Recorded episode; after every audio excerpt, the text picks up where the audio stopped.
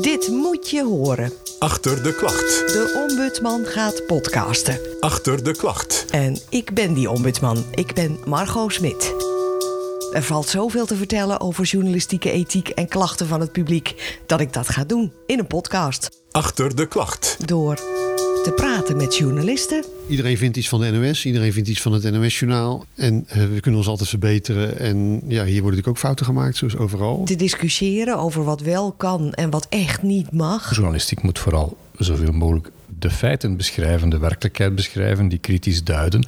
Maar dat kan je natuurlijk nooit doen op een manier die, die iedereen goed vindt. Inzichten van ombudscollega's te delen. I don't think that there is uh, there is a such thing as, as impartiality because everybody has an opinion. But I think that as a journalist, you have some journalistic standards that you have to live up to. Toelichting te geven op serieuze klachten. Geachte ombudsman, hierbij dien ik een klacht Beste in. mevrouw Smit, met alle respect, maar ik vind uw reactie... Geachte heer, mevrouw. NPO is voor mij wederom ongeloofwaardig in En het- natuurlijk antwoord op de vraag waarom ik ombudsman ben. Moet je horen dus. Over een paar dagen al de eerste episode. Via de website ombudsman.npo.nl. En daarna ook op je favoriete podcastplatform. Achter de klacht. De podcast van de journalistiek ombudsman voor de publieke omroepen.